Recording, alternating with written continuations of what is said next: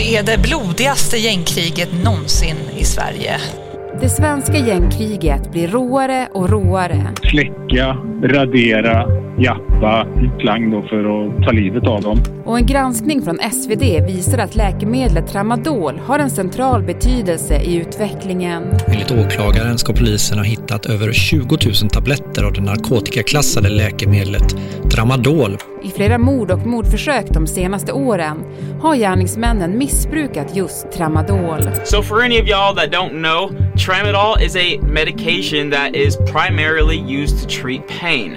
På en kvart får du veta hur det smärtstillande läkemedlet blivit central i gängkriget och vad det har fått för konsekvenser. Det är måndag den 31 januari. Jag heter Alexandra Karlsson. Det här är Dagens Story från Svenska Dagbladet.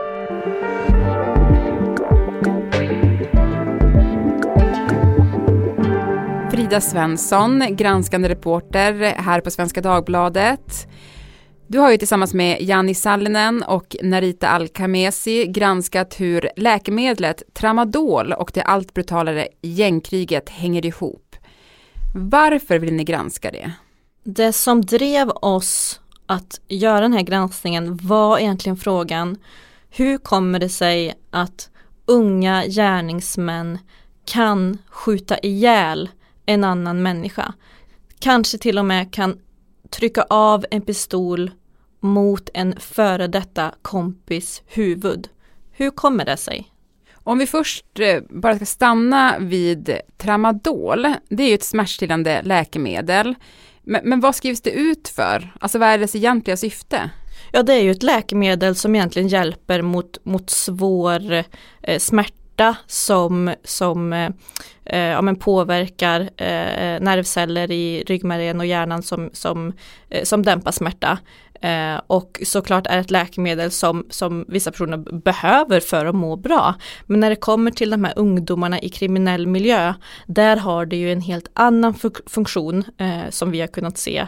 Och där vi har i den här granskningen pratat med personer som ingår i de här kriminella nätverken som skjuter och även eh, narkotikapoliser och underrättelsepoliser som menar att tramadol är eh, en, en drog eller ett läkemedel som används inför grova våldsdåd.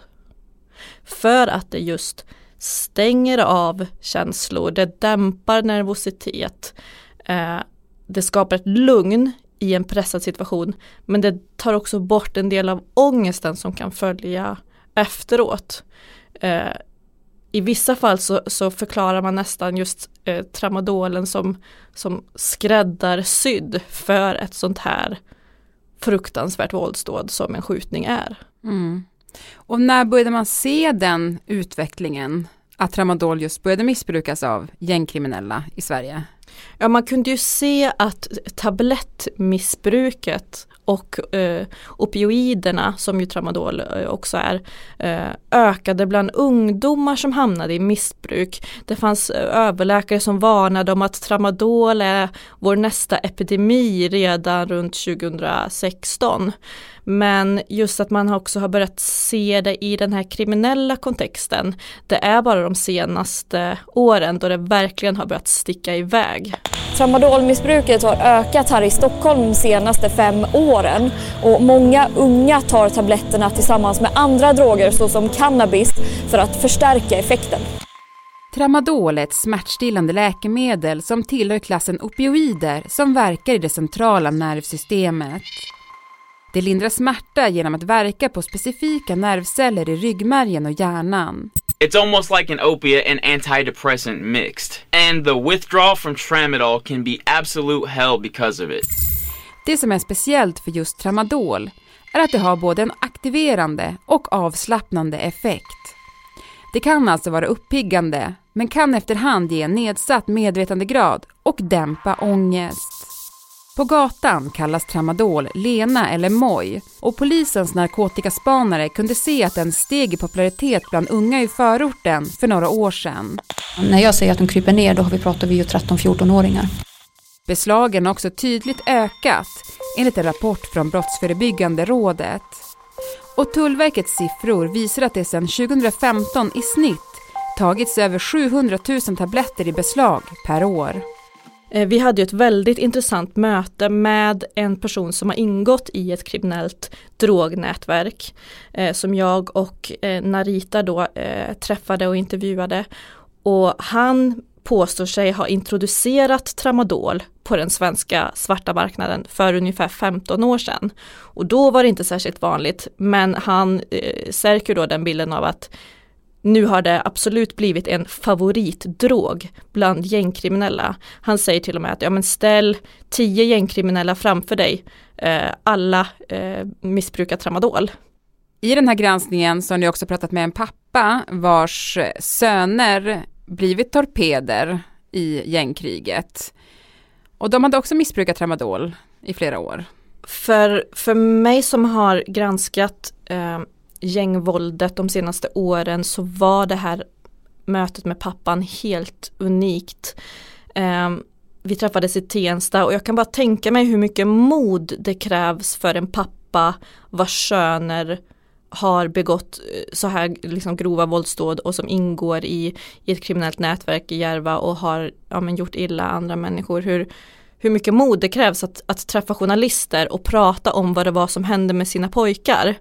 Och han menar ju på att när tramadol eh, missbruket började för sönerna, det var då som det blev allt svårare som förälder att ha kontroll. Han förklarade det som att när, när missbruket kom in så, så när han satt ner med sina söner och ville liksom prata dem till rätta så var de inte längre där. Det var som att de var någon annanstans. Och där kan man ju se den här lite avtrubbningen och, och ja, men att man blir mer känslokall och frånvarande. Mm. Um, vad hände med sönerna? Ja, den ena sonen som, som bara är 17 år, han avtjänar ju ett, ett straff idag på ett ungdomshem efter att ha eh, skjutit mot en annan eh, eh, man. Personen har förts med ambulans till sjukhus och polisen har nu inlett en förundersökning om försök till mord. Han överlevde men träffades eh, av sju skott.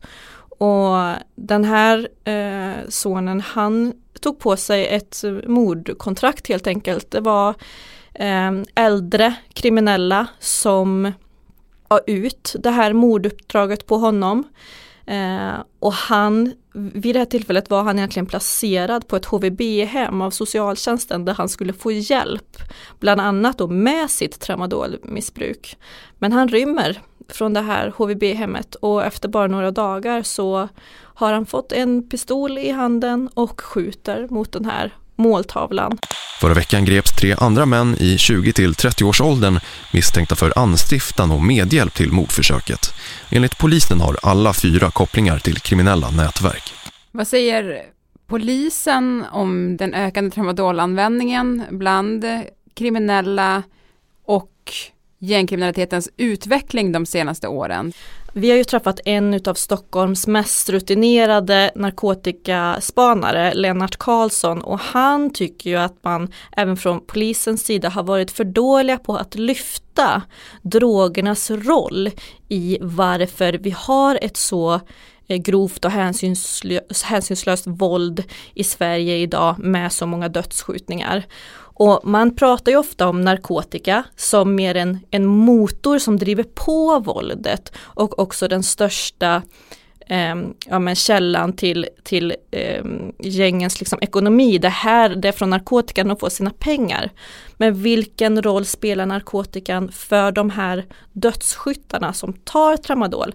Det har man ju inte lyft tidigare, vilket vi nu gör.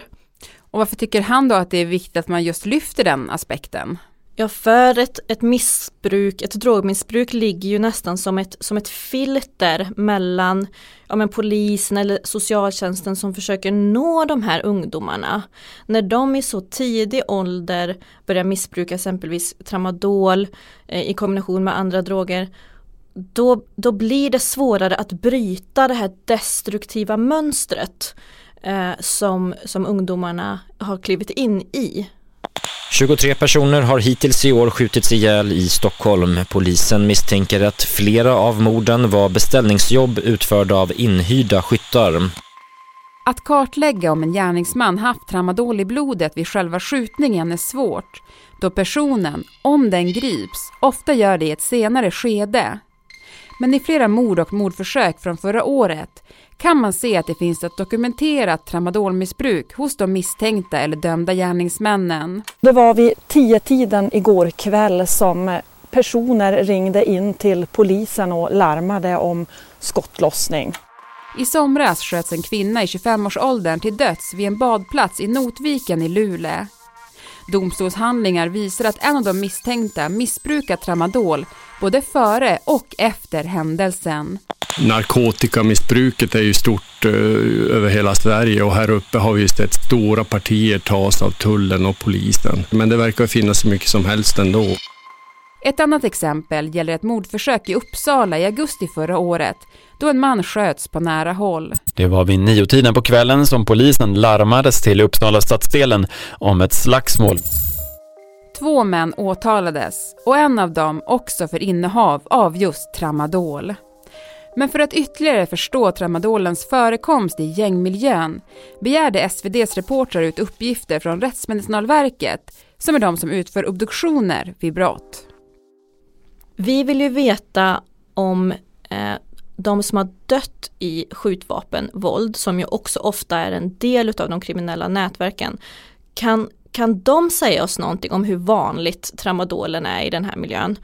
Och eh, Rättsmedicinalverket då som utför de här obdup obduktionerna i, i brottsfall, de gör ju också blodanalyser.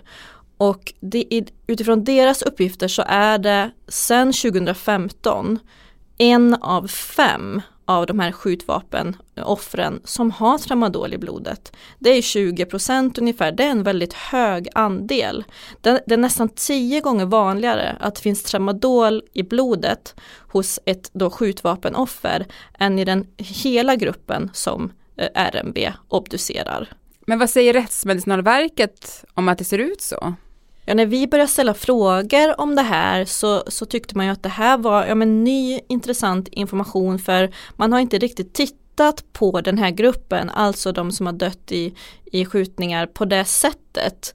Och kan man få ledtrådar till exempel, ja men vad är det för substanser som förekommer i den här miljön, ja men då, då är det ju ytterligare en, en pusselbit.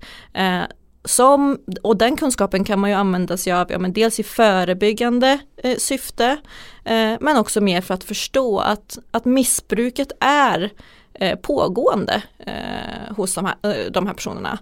Men du, en fråga man ställer sig när man hör det här, det är ju hur lätt är det att få tag på tramadol?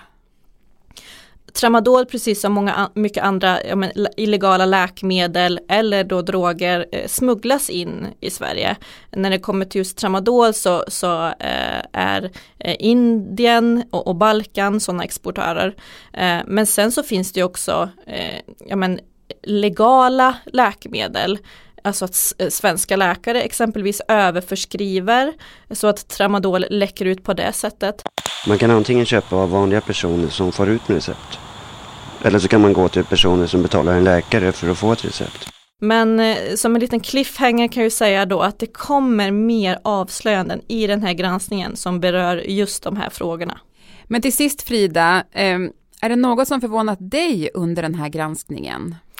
Ja men det är väl egentligen att det här inte har tittats på på det här sättet innan. Man har skrivit ja, men spaltmeter om gängkriminalitet och man har granskat individerna som ingår i de här nätverken väldigt noga. Men ändå så har man mer sett som att ja, eh, alla går på något tydligen och, och, att det inte är så viktigt. Men, men här har vi faktiskt en pusselbit som gör det kanske möjligen lite lättare att förstå varför våldet i Sverige är så grovt som det är idag? Jo, därför att gärningsmännen som begår det här dödliga skjutvapenvåldet är avtrubbade, de stänger av sina känslor, de använder läkemedel eller droger som tramadol. Tack Frida Svensson för att du var med i Dagens Story. Tack så mycket. Programmet idag klipptes av Lasse Edfast. Redaktör var Therese Stenler von Matern och jag heter Alexandra Karlsson. Vill du kontakta oss så mejla till dagensstory.svd.se.